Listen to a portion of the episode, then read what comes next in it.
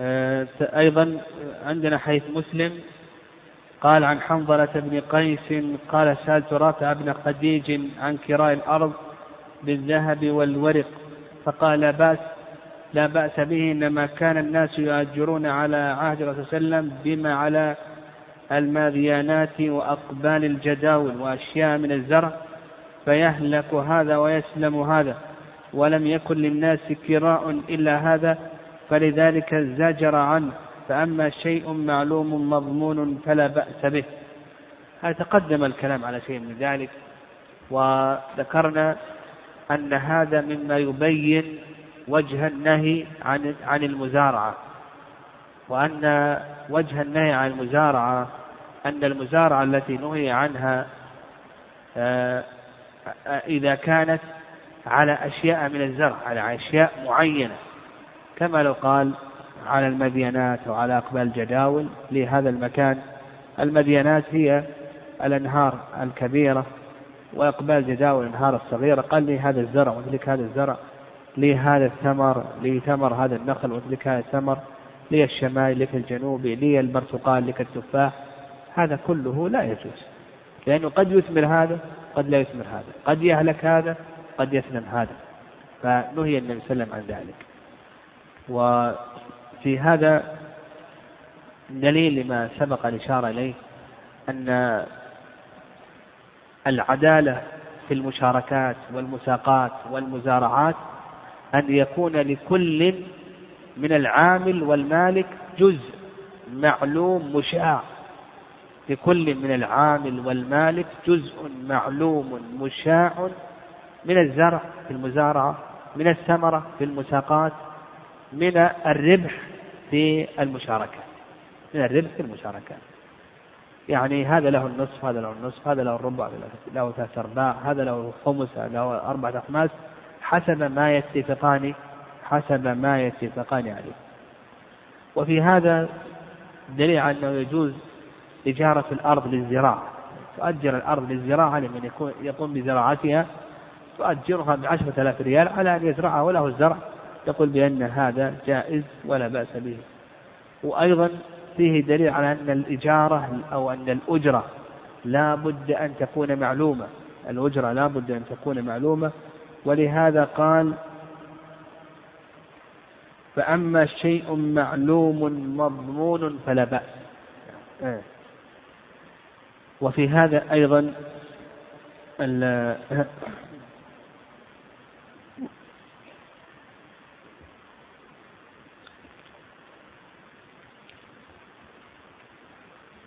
النهي عن الغرر. نعم النهي عن الغرر والجهالة في عقود المعاملات. نعم لما تسببه من التشاحن والتباغض والتقاطع والتدابر ونحو ذلك. قال قال رحمه الله تعالى باب الوقف. الوقف في اللغة يطلق على معاني منها الحبس والمنع. وأما في الاصطلاح فهو تحبيس الأصل وتسبيل المنفعة. هذا من أحسن تعريف الوقف أو نقول أحسن تعريف الوقف هذا التعريف. تحبيس الأصل وتسبيل المنفعة. الوقف عرف بتعريف كثيرة. العلماء عرفوه بتعريف كثيرة. لكن هذا التعريف هو أحسن تعريف الوقف لأنه مستفاد من كلام النبي صلى الله عليه وسلم. فإن النبي صلى الله عليه وسلم قال لعمر إن شئت حبست أصلها وتصدقت بها. فنقول الوقف هو تحبيس الأصل وتسبيل المنفعة وقد دل عليه القرآن والسنة والإجماع. أما القرآن فقول الله عز وجل إنا نحن نحيي الموتى ونكتب آثارهم. قال العلماء أو قال الطوائف من أهل التفسير أن المراد بقوله تعالى ونكتب آثارهم يدخل في ذلك ما يخلفونه من الصدقات الجارية. من آثار من آثار الموتى ما يكلفونه من الصدقات الجارية. قال وأما السنة فكما ذكر المؤلف رحمه الله تعالى أورد حديث عمر رضي الله تعالى عنه وقف حديث من عمر في وقف عمر رضي الله تعالى عنه. والأدلة على ذلك كثيرة ومن ذلك قول النبي صلى الله عليه وسلم إذا مات ابن آدم انقطع عمله إلا من ثلاث وذكر من ذلك صدقة جارية.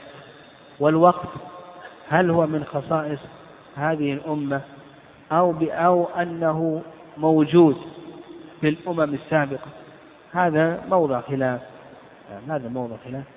الشافعي رحمه الله قال لم يوقف أهل الجاهلية. لم لم يحبس أهل الجاهلية وإنما حبس أهل الإسلام.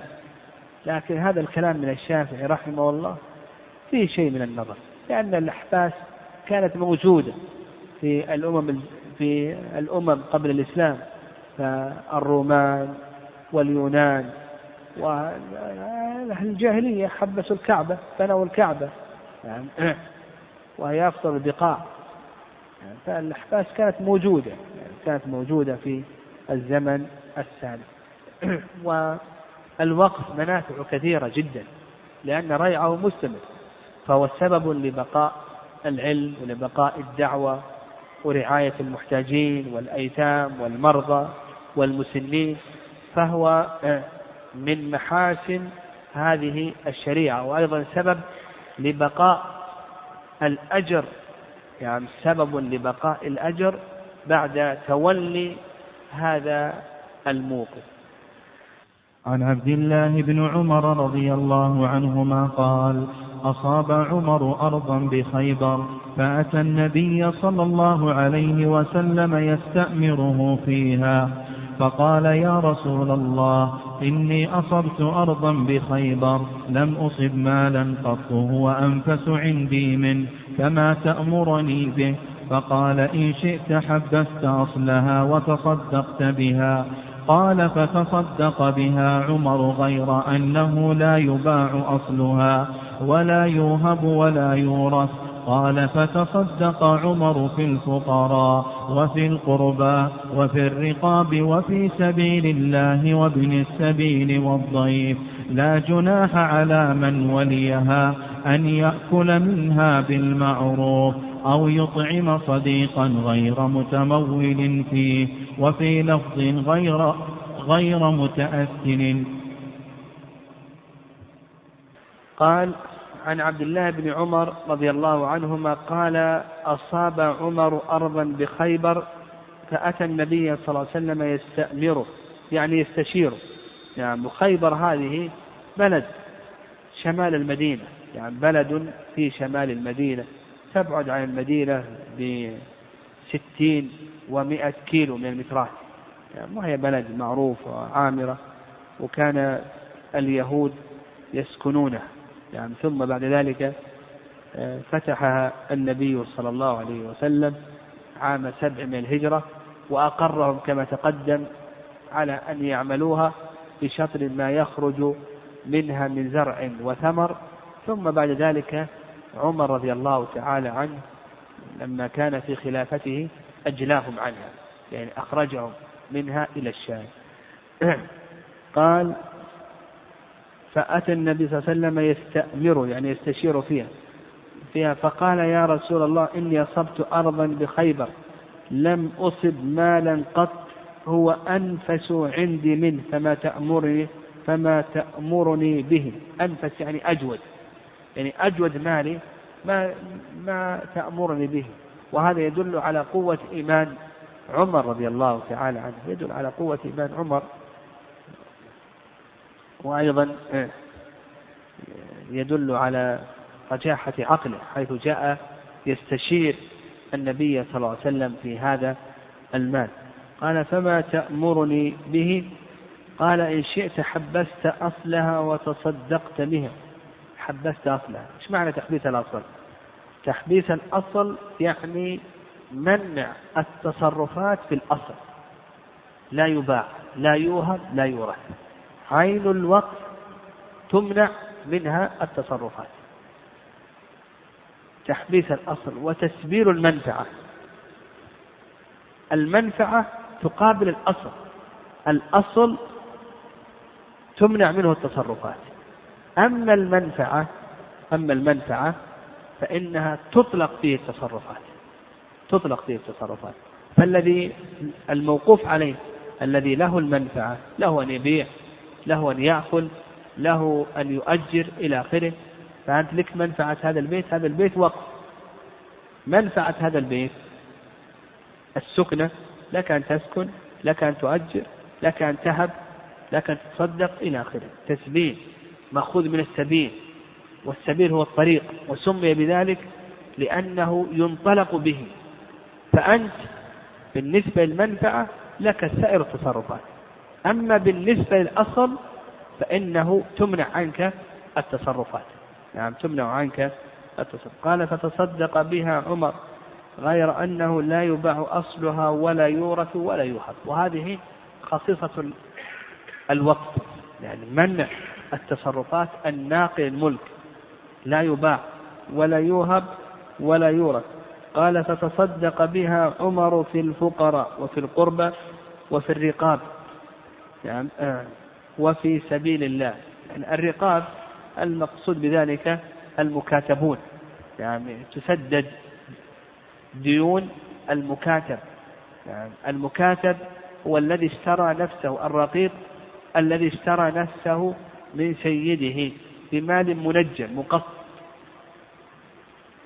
وفي سبيل الله الجهاد في سبيل الله. وابن السبيل المسافر الذي انقطع به سفر والضيف لا جناح على من وليها يعني من تولى أمرها تولى أمر هذا الوقت أن يأكل منها بالمعروف أو يطعم صديقا غير متمول فيه وفي لفظ غير متأثل.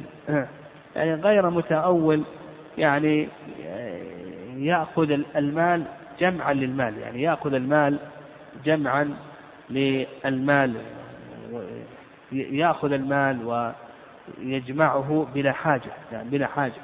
يعني يجمع المال ويتخذه أو يأخذ يجمع المال ويأخذ أكثر من حاجته.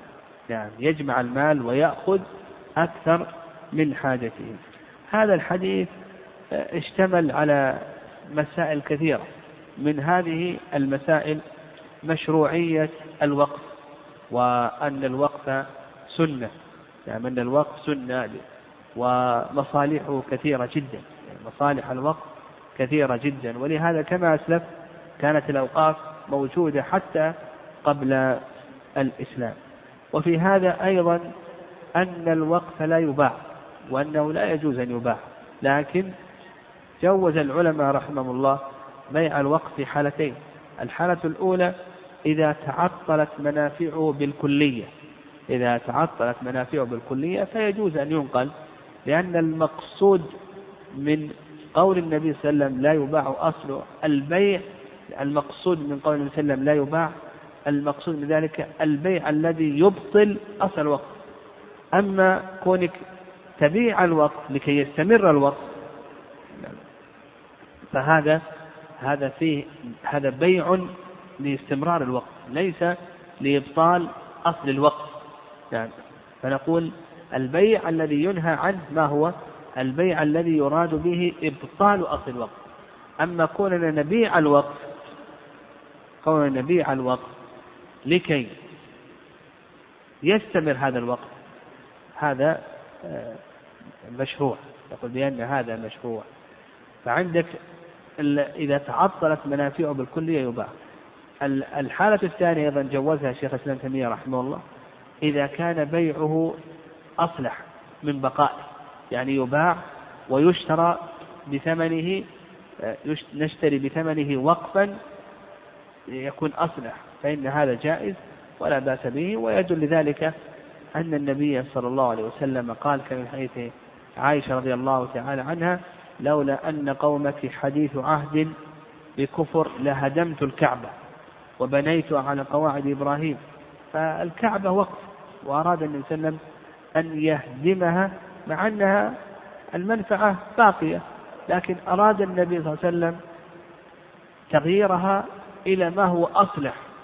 أراد أن يغيرها إلى ما هو أصلح وهو أن يبنيها على قواعد إبراهيم. ومن ذلك أيضا أن الوقف لا يوهب أن الوقف أنه لا يجوز أن يوهب.